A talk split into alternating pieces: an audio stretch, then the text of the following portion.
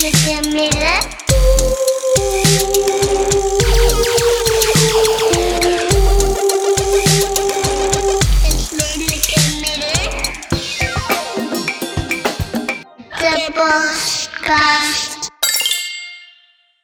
lieve luisteraar en welkom bij Het Redelijke Midden. De podcast waar je gelukkig ook zonder zelftest naar binnen mag. Vandaag is het koffietijd. We zitten hier met Bram Iven, filosoof, muzikant en bezitter van oude anticapitalistische bordspellen. Hallo Bram. Hey. Over anticapitalistische bordspellen gesproken. We weten inmiddels allemaal wel dat Monopoly ooit bedoeld was als een soort van kritiek op het kapitalisme. De rijken worden alsmaar rijker en de spelers die niet zoveel mazzel hebben, die moeten een lang en ellendig spel spelen waarbij ze eigenlijk alleen maar kaal geplukt worden. Maar inmiddels is dat niet meer echt zo. Hè? Dus Monopoly is nu gewoon een bordspel dat de hele familie speelt en nou ja, ze stoppen wat geld extra in de pot en je haalt gewoon wat meer uit de bank, zodat het maar door en door en door kan gaan. En daarbij is de, de kritiek een beetje verloren gegaan. Alleen, jij hebt iets anders in de kast staan dat er heel erg op lijkt. Ja, dat klopt inderdaad. Eh, ja, dat komt eigenlijk... Dit zijn spelletjes die ik in mijn jeugd speelde. Die ik van mijn ouders kreeg, samen met mijn zussen. En die wij speelden. En een daarvan is Mundopoly. En een ander is Enterprise. En ze zijn eigenlijk allebei gebaseerd op, op Monopoly inderdaad. Alleen, ze zitten net iets anders in elkaar. Ja, ze gaan iets harder tegen het systeem in dat Monopoly oorspronkelijk bekritiseerde. Ja, ik denk wat achteraf bekijken, wat er misschien mis is gelopen bij Monopoly, is dat je, wat je wel krijgt wanneer je Monopoly speelt, is dat je eigenlijk bijna tegen je eigen goede gedachten en intenties in, ga je toch altijd voor jezelf spelen. Wat ook je politieke mindset is, uiteindelijk, je wil overleven. En om te overleven koop je maar zoveel mogelijk op. En uiteindelijk ga je als individu tegen de rest spelen en liefst de rest zoveel mogelijk geld afpersen. Ja. En het vergt best wel wat reflectievermogen om dan te zien van ja, eigenlijk is dat wat kapitalisme met je doet. Ehm, en, zo'n spel als Mundopoly, dat dan in de tweede helft van de jaren 80 is uitgekomen, 86 volgens mij. En ontwikkeld is door een aantal mensen uit Leuven in samenwerking met de Wereldwinkel. Een aantal oud-studenten van Leuven uh, van back in the days van de 70s nog, um, die mijn vader kende. Um, wat Mundopoly doet is um, in Monopoly is, daar speel je een boer in um, Latijns-Amerika. En het heeft eigenlijk al bij al nog relatief goed de tand des tijds doorstaan wat betreft exotisering, et cetera. Um, maar het punt is dat je um, ontzettend veel tegenslag meemaakt. Ieder jaar plant je, nou ja, koffie kan je planten, je kan ook veeteel, je kan een aantal andere dingen doen, je kan ook maïs planten. En afhankelijk, vervolgens dobbel je en afhankelijk van, uh, nou ja, uit... Uh, uh, wel, welk cijfer op de dobbelsteen terechtkomt, heb je een droog jaar, een, een normaal jaar of een vochtig jaar en breng je je gewassen meer of minder op. Ja. En het punt is eigenlijk dat, dat om te overleven, dat merk je na het eerste jaar, merk je dat al heel snel. Het eerste jaar stapt iedereen in van, oh, we gaan lekker spelen. En ieder jaar, na het, of na het eerste jaar, ben je eigenlijk basically bijna failliet. En dat heeft te maken met het IMF, omdat het IMF um, austerity maatregelen oplegt. Dat was toen ook al, ik heb het onlangs nog eens gespeeld, uh, ter gelegenheid. En andere kwesties zoals um, failed states, et cetera. Veel mondiaal problematiek, concurrentie, slecht concurrentiebeleid, vrije markt. En het enige wat je daartegen kan doen als je wil overleven, en dat is een beetje de pointe van het spel, is samenwerken met anderen. Dat is de enige manier waarop je dat spel nou, niet kan winnen, want niemand wint dan, maar dat, dat wil zeggen dat iedereen overleeft. Als je dat niet doet, dan, dan, eindig je, dan ligt eerst de eerste speler eruit dan de tweede en na drie rondes is iedereen eruit. Ja, de eerste domino valt en dan... Prap. Precies. Ja, Latijns-Amerikaanse boeren is ook een beetje het onderwerp van de dag. Vorige keer dat Varag en ik een aflevering maakten, hadden we het over Orientalisme. En een beetje de cultuur, de culturele boodschappen die kolonialisme nog steeds legitimeren. Dus van Aladdin tot en met Israël, het idee waarmee we het Westen nog steeds superieur achten en daarmee de rest van de wereld denken te kunnen uitbuiten. Maar vandaag gaan we het hebben over hoe dat ook nog steeds wezenlijk zo geldt. Hoe dat mm-hmm. tot in je lichaam doorwerkt, als het ware. En het onderwerp daarvoor is koffie. Nou ja, ik drink het zelf niet, maar jullie zijn experts volgens mij. Ja. nou, expert, expert zou ik mezelf niet noemen, maar ik drink inderdaad. Ik uh, vertelde aan Bram dat ik uh, uh, voornemens ben om af te kicken van koffie, om er gewoon compleet mee te stoppen. Ehm, en dat het me eerder is gelukt. Ehm, maar ja, ik, als ik dan weer zo'n koffieshop uh, binnenloop, dan, ja, dan triggert dat toch wel iets bij me. Dan denk ik, ja, toch nog even een bakje koffie vroeg op de ochtend. Maar ja, ik ben voornemens om, uh, om dat in te ruilen voor een ander mono uh, krop. En dat is thee. ja, ik ook. Ooit. want waarom zou je willen afkicken van koffie? Ja, omdat ik toch denk dat er in koffie gewoon veel meer om. Ook omdat hoe ik het lekker vind. Hè. Ik hou niet van slappe koffie. Dus ik hou er wel van dat het een beetje sterk is. Uh, maar toch merk ik dat dat toch wel heel veel met me doet. Dat ik een beetje heel hyperactief ben in de ochtend. En dan richting de middag kak ik helemaal in elkaar. En dan um, heb ik nog een bakje nodig. Maar dan wil ik het meestal niet drinken. En dan ga ik koffie, gewoon dutje. Koffie of eigenlijk cafeïne is daadwerkelijk verslavend, toch? Ja. Afkicken is niet makkelijk. Nou, het varieert volgens mij een beetje van uh, persoon tot persoon. Maar um, ik, ik, ik hoor van heel veel mensen, en ik heb het zelf ook wel ervaren, dat zeker als je gewend bent om veel koffie te drinken, of sterke koffie, genoeg cafeïne binnen te krijgen, dat wanneer je uh, stopt met koffie drinken, dan heb, je, dan heb je echt hoofdpijn. De eerste, dat duurt een paar dagen, dat je s ochtends echt hoofdpijn hebt. Ja, en het effect van koffie? Ik bedoel, wat levert het op? Ja, ik denk, uh, tenminste als, ik, als je dat mij vraagt, wat het oplevert, is misschien koffie doet echt iets met je lichaam. Ik, ik, voor mij illustreert koffie heel goed hoe lichaam en geest heel, nou, gewoon echt helemaal in elkaar verweven zijn. Of eigenlijk dat dat, dat, dat, dat dualisme helemaal niet werkt. Het is de anticipatie op koffie. Je anticipeert erop, s ochtends. Ja. Um, en die anticipe dat, dat anticiperen dus van, oh, ik ga een kopje koffie drinken. Dat geeft ook werkelijk zin aan de dag. Um, Oké, nu maak ik het iets groter dan het is, maar... Dus het, het, creëert een soort van moment van, oké, daar werk ik naartoe. Um, het, de koffie drinken zelf is een rustmoment. Um, een, rust, een, moment van genot. Dat zie je ook in alle reclame. van nou, eigenlijk is dat hele idee van genot. Dat dan gesymboliseerd wordt met die kringelende dampjes die boven die koffie uitstijgen. Ja. Um, maar het is ook een energie. Het is een, het is een energy drink. Het, het mhm. geeft je energie. en dat is ook echt zo. En het, het doet je scherper denken. en dat is ook gewoon aangetoond. Dat je iets meer focus ontwikkelt. Het is gewoon heel efficiënte terug. En net als heel veel andere koloniale drugs, suiker en uh, uh, um, nicotine, is het een drug die er wel voor zorgt dat je perfect kan functioneren in, het, in de huidige ja, labor market, zeg maar. Ja, dus de samenleving stelt eisen van ons, die eisen een zekere mate van toewijding en productiviteit. En koffie helpt ons dat te verwezenlijken. Ja, koffie is daar een onderdeel van volgens mij. Het is in ieder geval geen drug waarbij je de rest van de middag of ochtend van de kaart bent of zo. Wel een tegendeel. Het helpt je juist om, om te focussen. Ja, om te werken eigenlijk. Om te werken, in feite, ja. Dus dit is, we hebben eigenlijk een soort van werksamenleving gebouwd op koffie.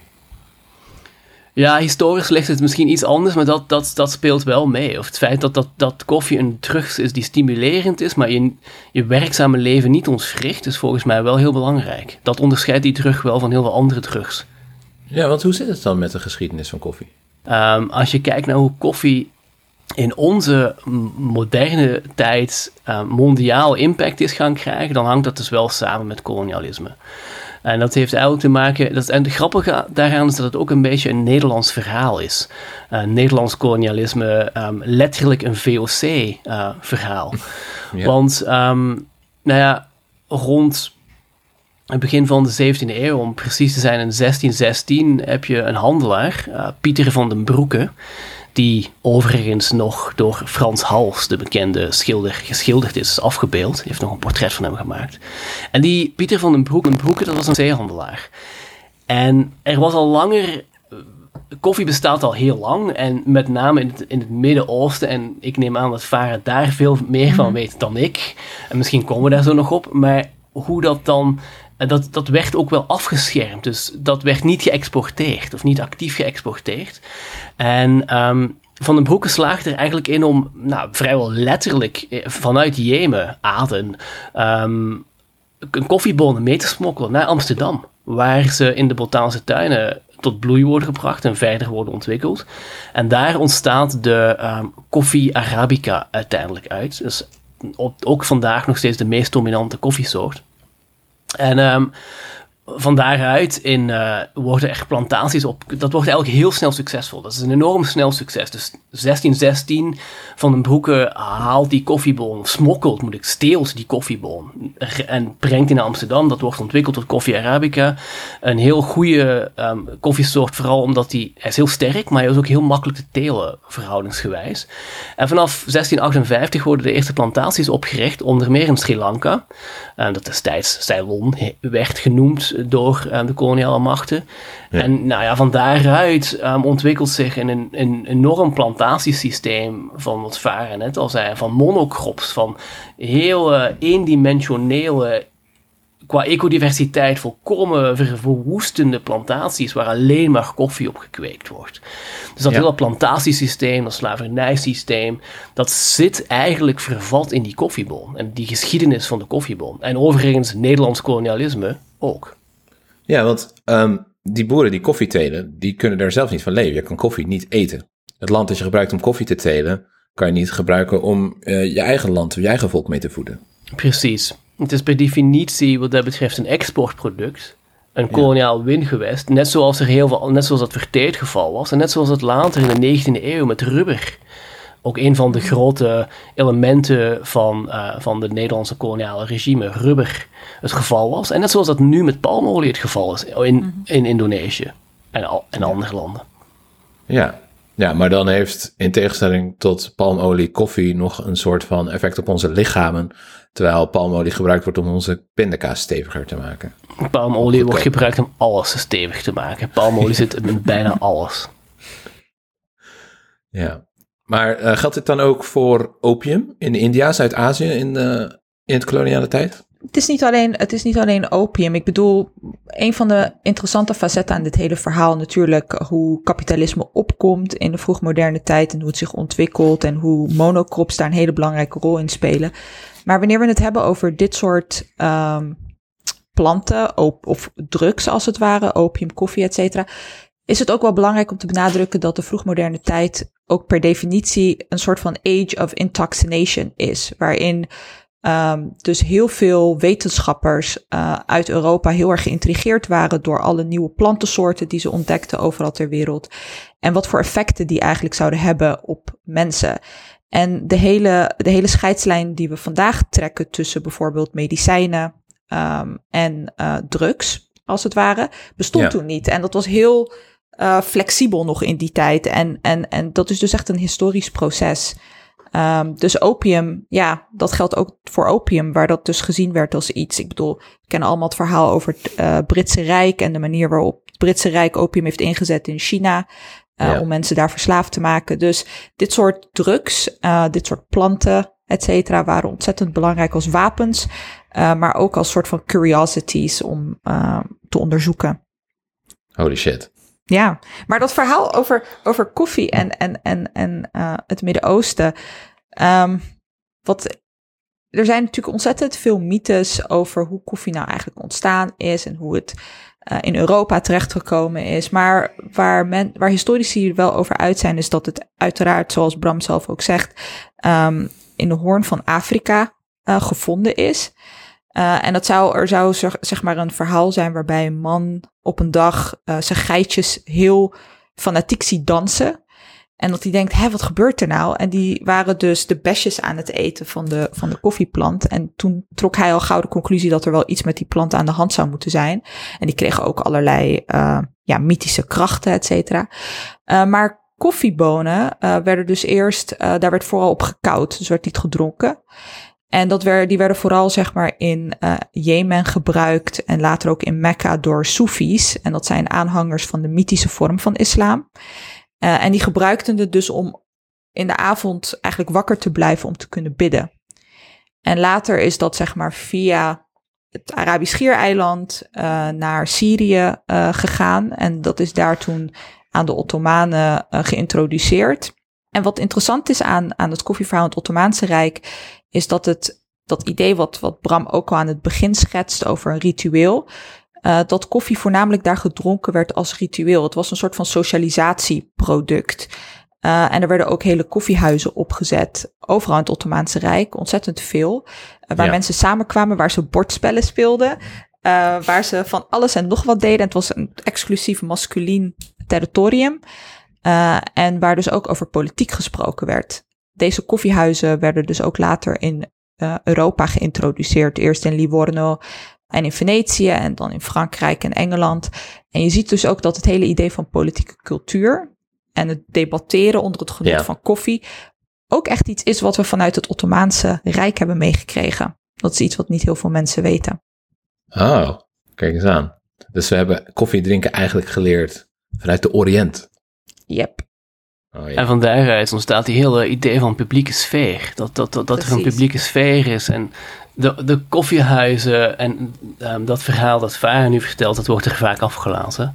Uh, maar dat hele idee dat koffiehuizen een heel wezenlijke rol speelden in het vroege ontstaan van de publieke sfeer, samen met handelsbrieven die uiteindelijk ehm, tot, tot kranten verworden.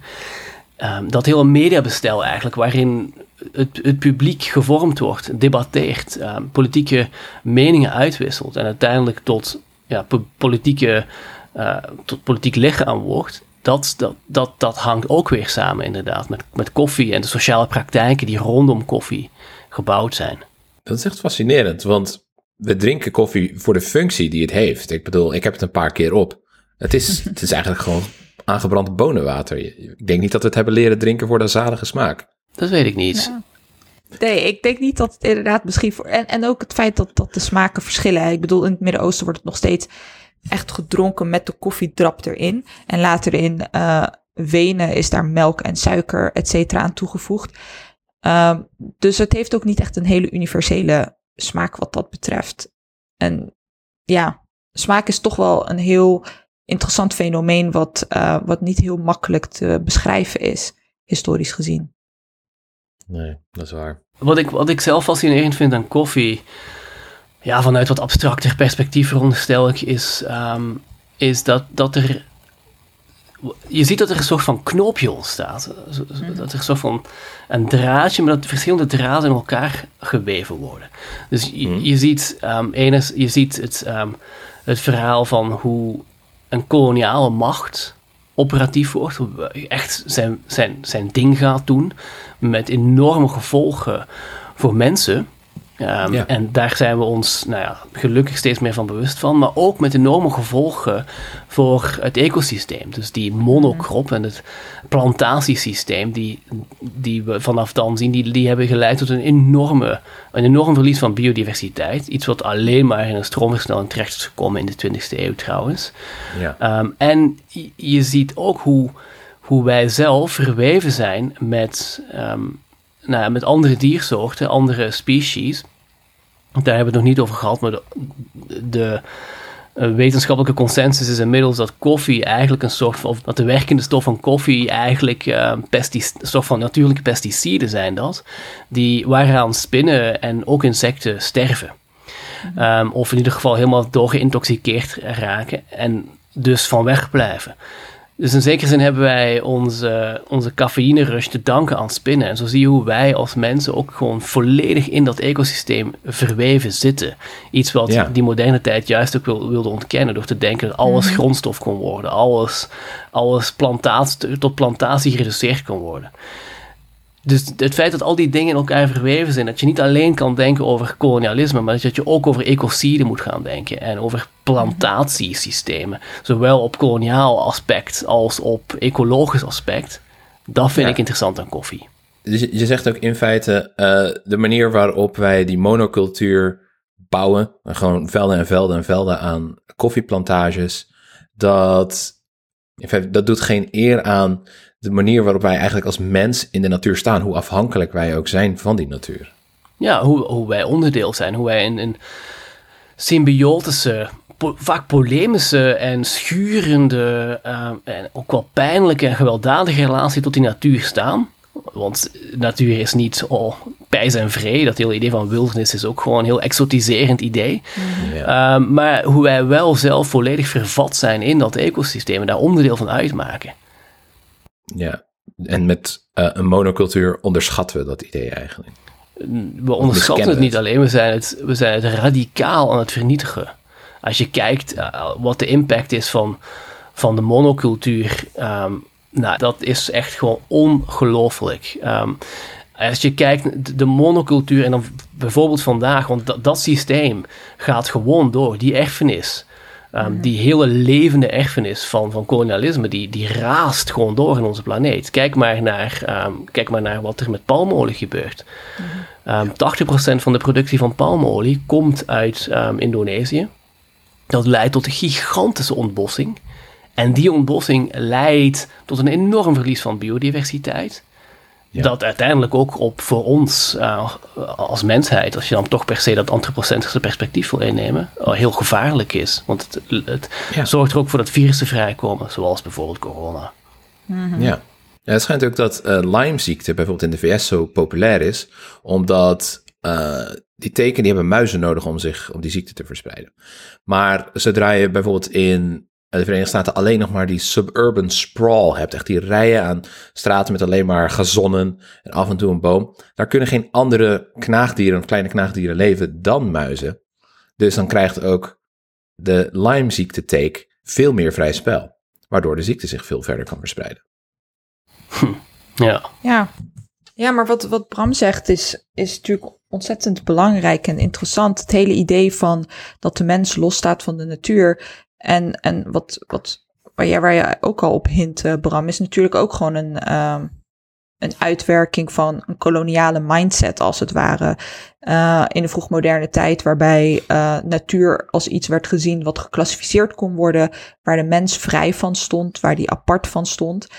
En dat, ik bedoel, toen de Spanjaarden en Portugezen in Latijns-Amerika aankwamen, hadden de inheemse bevolkingen al een bepaalde manier van landbouw cultiveren.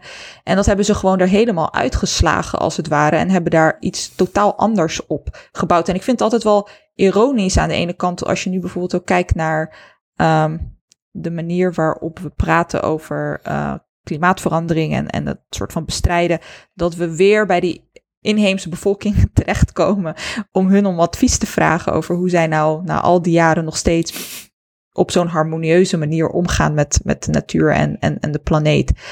Ehm, dus dat hele idee van kapitalisme, dat het zeg maar ehm, daar gebruik van heeft gemaakt, van dat kolonialisme. Uh, maar dat het ook zeg maar een best wel logisch gevolg is van die hele menscentristische manier van kijken naar de wereld. Ja, en dat maakt het, uh, voor ons is het in ieder geval onhoudbaar. Monocultuur is ook in Nederland toch bijvoorbeeld verwoestend voor, voor de aarde die we gebruiken om landbouw op te doen. Absoluut. Als je, als je kijkt naar. Als je er één. Uh, dit, is, dit is een beetje een verhaal van once you see it, you can't unsee it. Maar als je één keer gaat letten op um, de organisatie van Nederland als land, hoe de infrastructuur in Nederland is, in elkaar is gestoken. En let wel, in heel veel opzichten, vooral urbaan, is die heel goed in elkaar gestoken. Zeker in vergelijking met, met België. Dat wil ik jullie best wel nageven als Belg die in Nederland woont. Dat is de open deur natuurlijk, anders gaan jullie er wel zelf op, op, opkomen. Uh, maar um, nee, als je gewoon kijkt naar, al die, uh, naar hoe, hoe die agricultuur in Nederland het hele land heeft ingenomen. Er is in Nederland geen natuur.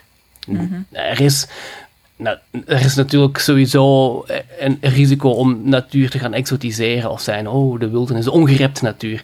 Daar heb ik het niet over, maar er is geen stuk van Nederland dat niet is klaargemaakt, is onderworpen, is, um, is, is ingericht op um, het verhogen van productie, um, waarbij bio ja, de bioteelt, uh, gewoon de bio-industrie het, het laatste woord heeft. Ja, maar dat komt omdat er zoveel eten verbouwd moet worden en geëxporteerd en dergelijke. Nou, het moet niet, maar het gebeurt. Ja, maar het Wat moet ik, niet. Nee, het moet niet. Maar bijvoorbeeld, we hebben deze week ook gezien, uh, weer met een nieuw boerenprotest. Mm-hmm. Volgens boeren lijkt het niet heel anders te kunnen.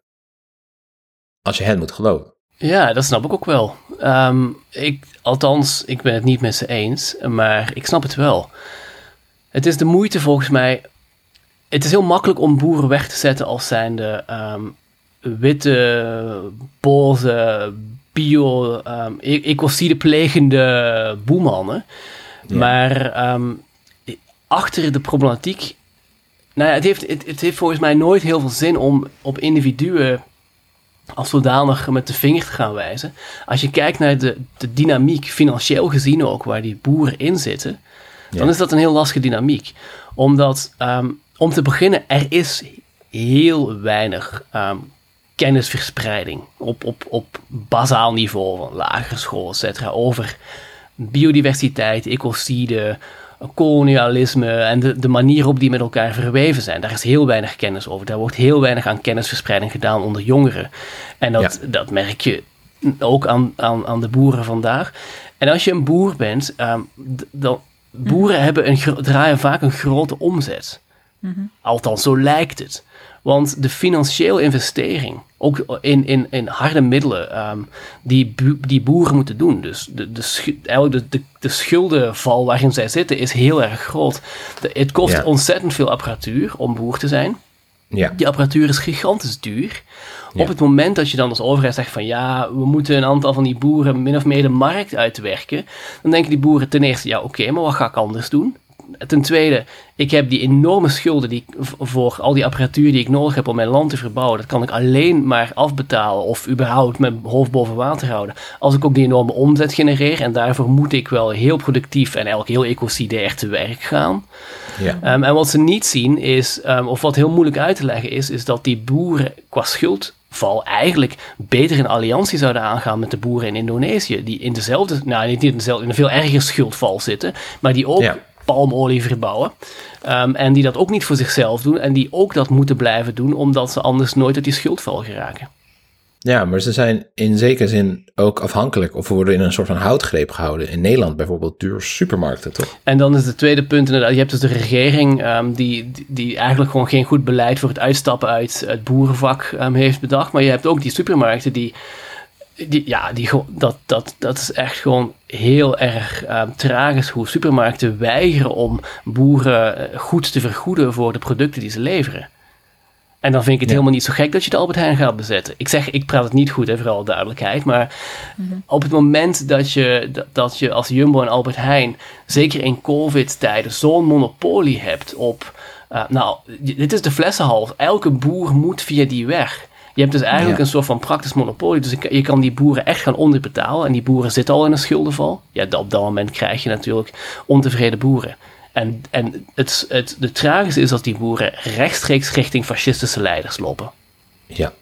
Ja, terwijl ze juist eigenlijk solidariteit moeten zoeken bij elkaar, mondiaal gezien, om juist dit systeem dat hen uitknijpt eh, af te breken. Ja, dat is in ieder geval wat Mundopoly mij probeerde duidelijk te maken als kind. en ik ben succesvol geradicaliseerd. Ja, dus eh, als je luistert, Mundopoly is niet te koop, denk ik, Nee. ergens. Nee. Ehm, maar misschien moeten we het gewoon natekenen van plaatjes op Google en speel het met je kinderen. Er, er staat wel een... moeten we bes- een H&M-webshop eh, starten. Ja. Er staat, dit wel soort dingen verkopen. Er staat wel een beschrijving ergens op het internet. Eh, Misschien kunnen die wel in de show notes. Ja, doen we. Absoluut. Wat ik wel boeiend vind, is... Gisteren had jij het, Pim, over ehm, een andere wereld maken. Dus we hebben, wat we nu eigenlijk gedaan hebben, is een analyse gemaakt van hoe je naar onze wereld kan kijken. En hoe je ziet hoe, hoe in die wereld en, en vooral, en dat is het punt denk ik, in, in heel alledaagse handelingen. Zoals 's ochtends die kop koffie drinken. Maar ook gewoon het, de enorme hoeveelheid suiker die wij gebruiken. En palmolie trouwens ook. Dat je Ja. daarin al ook ziet hoe, hoe reëel, concreet dat koloniaal systeem nog steeds, en dat kapitalistische koloniaal en ecocidaire systeem nog steeds in onze samenleving, in onze alledaagse realiteit verweven zit. Ja. Die realiteit vormgeeft. Maar we we hebben vraag- het nu ook over, over eh, de, de geaccepteerde zichtbare vormen van koffie en suiker. Maar het is bijvoorbeeld ook redelijk bekend dat, zeker op de Zuidas, die ze ook wel de snuifas noemen, en in de politiek, er aardig wat cocaïne doorheen gaat. Ook voor de wezenlijke effecten die het brengt. Nou ja, absoluut. Dus cocaïne ook. En, en, maar dan is eigenlijk de vraag van hoe zit het dan vandaag? Dus Ik denk dus zelf dat we nu... Wat, wat, wat, heel interessant vind, wat ik heel interessant vind aan ons huidige tijdsgevricht, de afgelopen twintig jaar of zo, is dat we een bepaald as- aspect van die mindset van quick fixes, want zo zou ik dat dan willen noemen. Eh, quick fixes in de zin van koffie, zo die quick fix, die rush, die kleine rush. Dat aspect dat gefine-tuned is, en zoals Farah er straks ook al zei, vanuit, ehm, vanuit een lang proces waarin eh, het medische en het enter en entertainment en intoxication eigenlijk allemaal door elkaar liepen. Dat is gefine-tuned in de 19e eeuw, in de 20e eeuw, compleet gefine-tuned. En wordt nu op een hele nieuwe en compleet verwoestende manier ingezet op sociale media. Want wat zijn sociale media anders dan quick fixes van endorfine rushes, die ons voortdurend, eh, ja, die, die, we, die we voortdurend tot ons nemen. Een beetje, ja, bijna zoals een GHB-gebruiker. Het, het, het effect duurt, hoe lang duurt het? Ik heb nooit GHB gebruikt, maar hoe lang duurt het? Een paar minuten volgens mij of zo. En, en dan kan je weer even verder en dan na een half uurtje heb je weer zin om even die telefoon te checken en...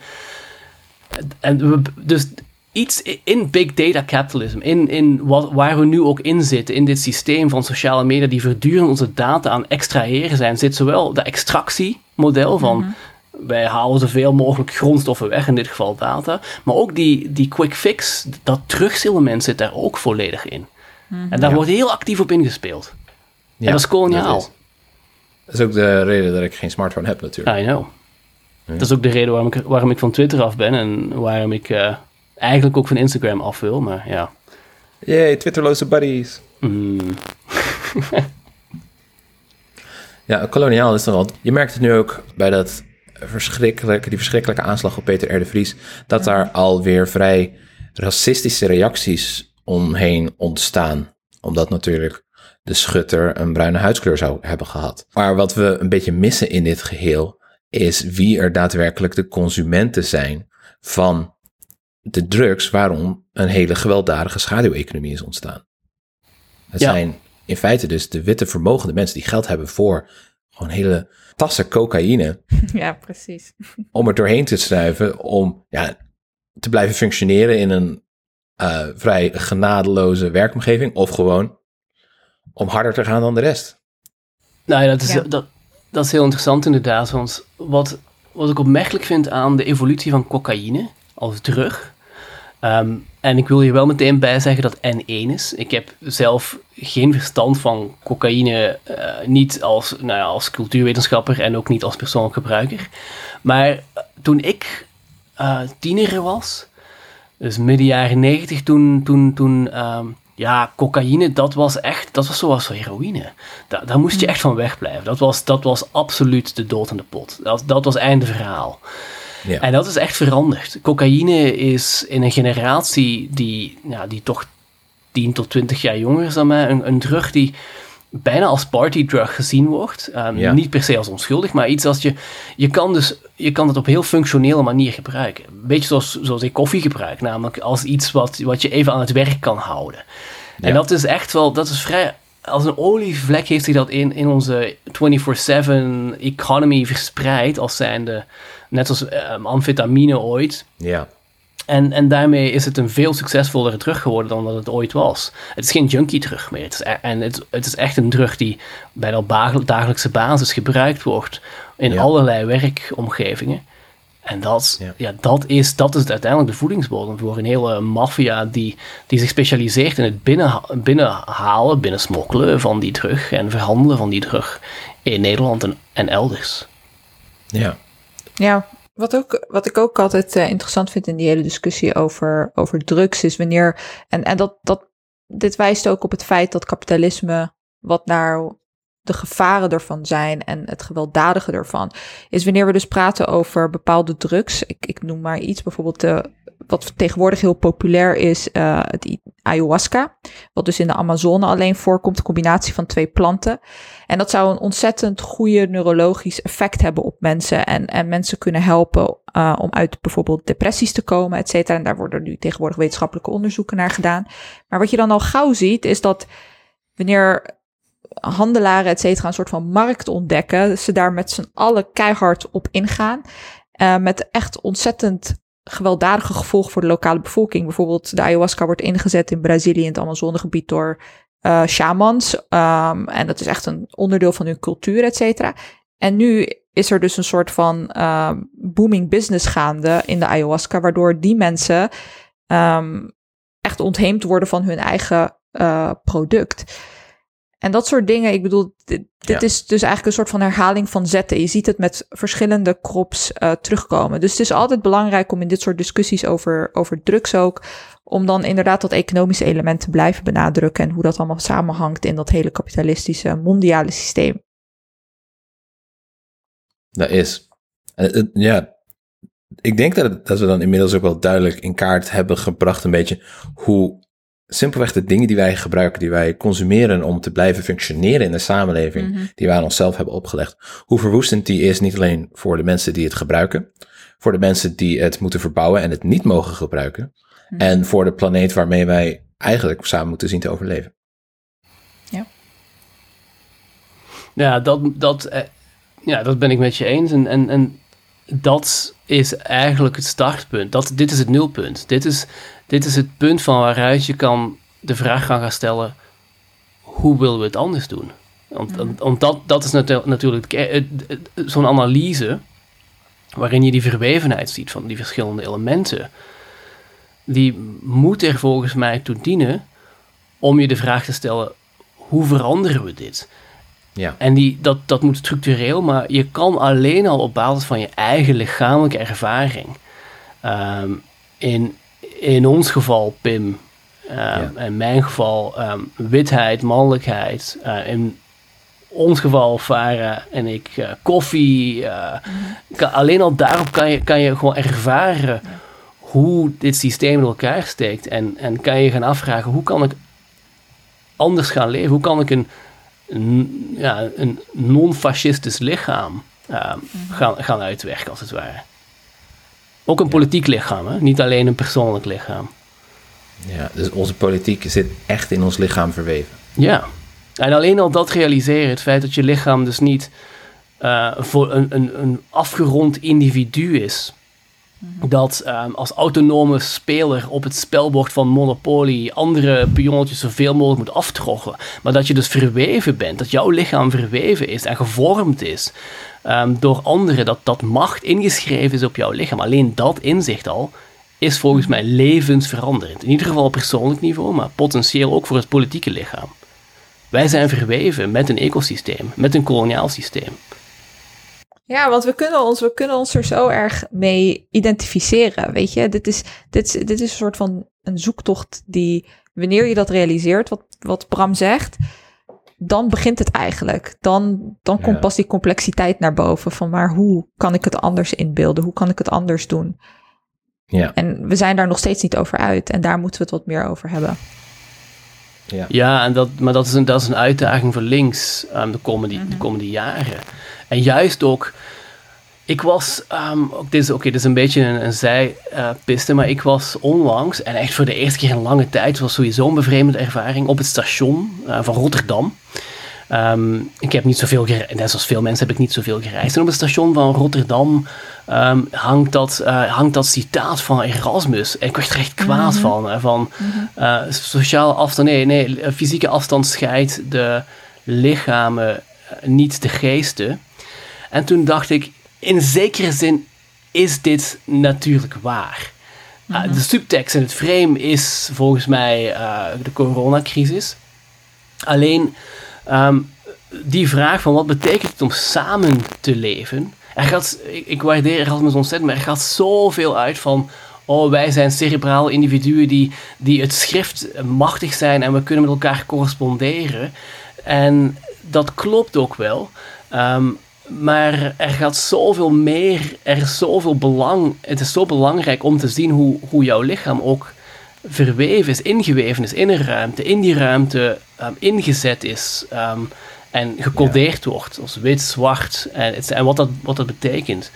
En daar kunnen we zoveel mee bereiken als we ons daarmee bewust, meer bewust van worden. Ja. Maar goed, dat is een beetje een zijpiste. Ja, dat is oké. Okay. heb jij nog iets leuks geluisterd of gelezen de laatste tijd? Ja, ik heb uh, iets leuks gezien. En dat uh, heeft een beetje te maken met waar we het vandaag over hebben. Want het gaat over een land wat echt compleet uitgebuit is door uh, de monocultuur, door de suikerplantages en de koffieplantages, namelijk Cuba. Ehm, en het is een, een korte documentaire van 20 minuten. Fascinerend, mooie documentaire gemaakt door Mona Jati. En het heet Uproar. En het gaat over de Cubaanse rumba. Eh, en dat is niet de ballroom rumba die we in het Westen kennen, maar dat is eh, eh, echt een van de meest bekende en mooie muziekgenres in Cuba, die door voornamelijk gemarginaliseerde groepen gemaakt werd. Maar Mhm. wat ik dus niet wist, is dat de Roomba ehm, ook ontzettend veel, ehm, of eigenlijk in zekere zin, ontzettend overgenomen is door voornamelijk mannen. En het, er heerst een hele machismo-cultuur rondom deze, dit muziekgenre.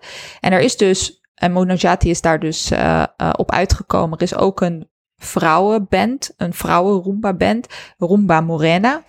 Eh, en die zetten dus dat allemaal nu onder druk en die claimen Roomba weer zoals het eigenlijk hoort te zijn. En dat was een muziekgenre wat voor iedereen, zowel man als vrouw, is.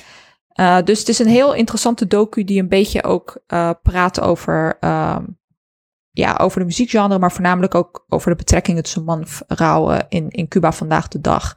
En het is alleen al mooi om te kijken. Ik bedoel, het is altijd een genot voor het oog om Havana te zien. Maar heel mooi in elkaar gezet. En ik zal hem even linken in de show notes. Show notes. Bram, wat jij?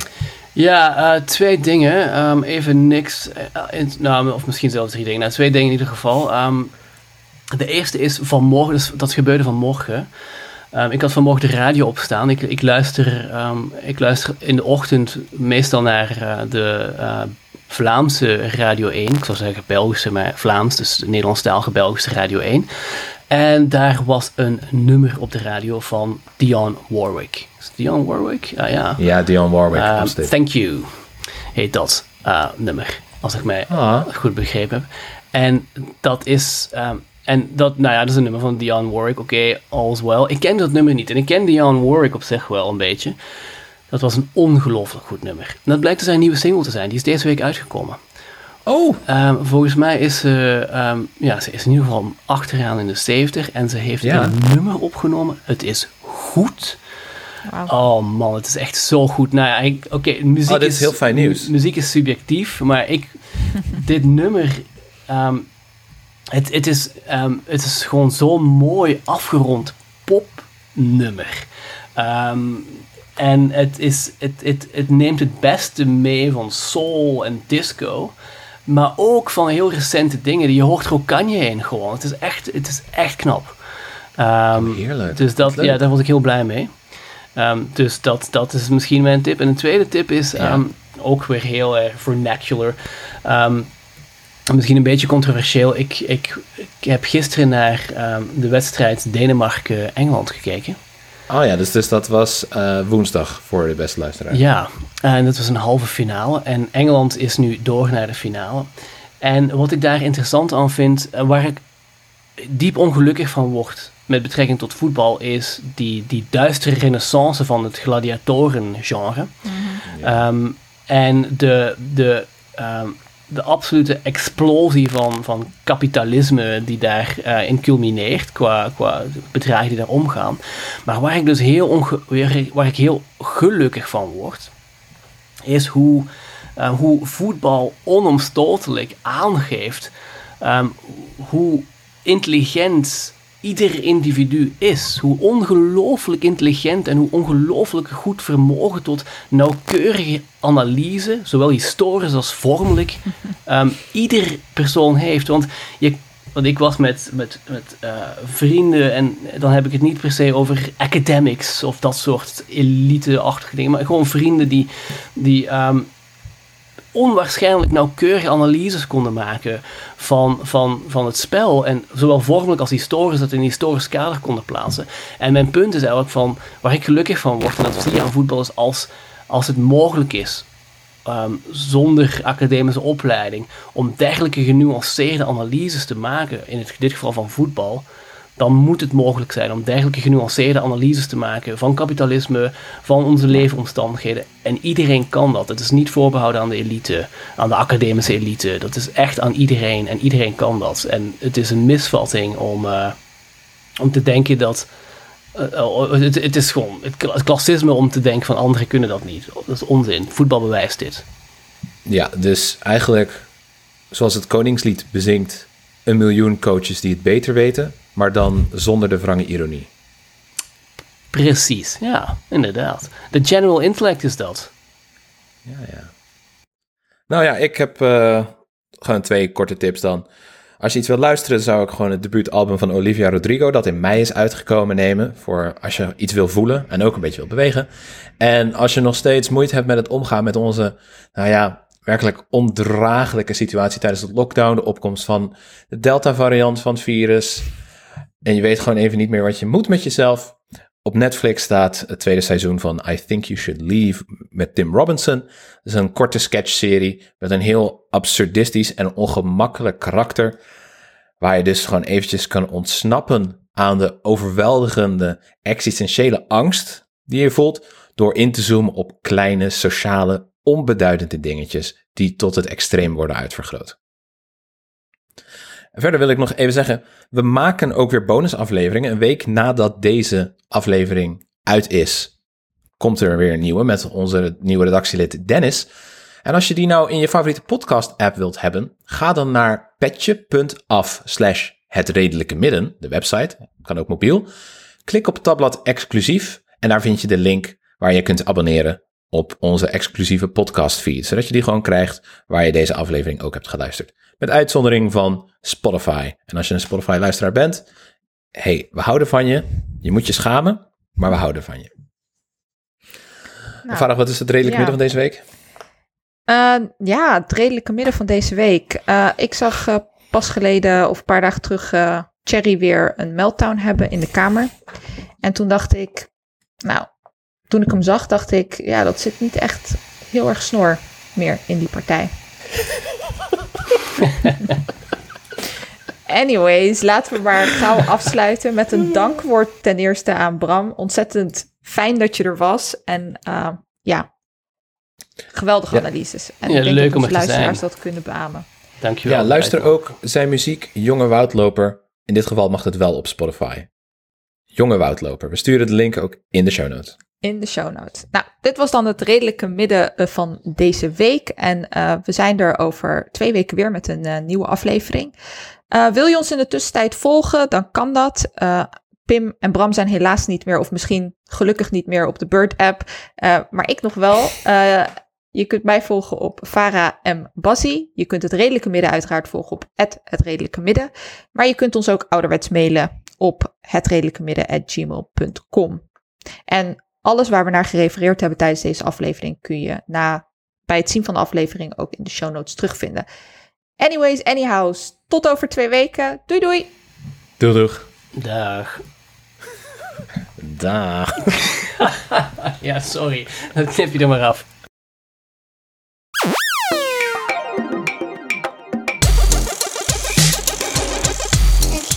Het midden.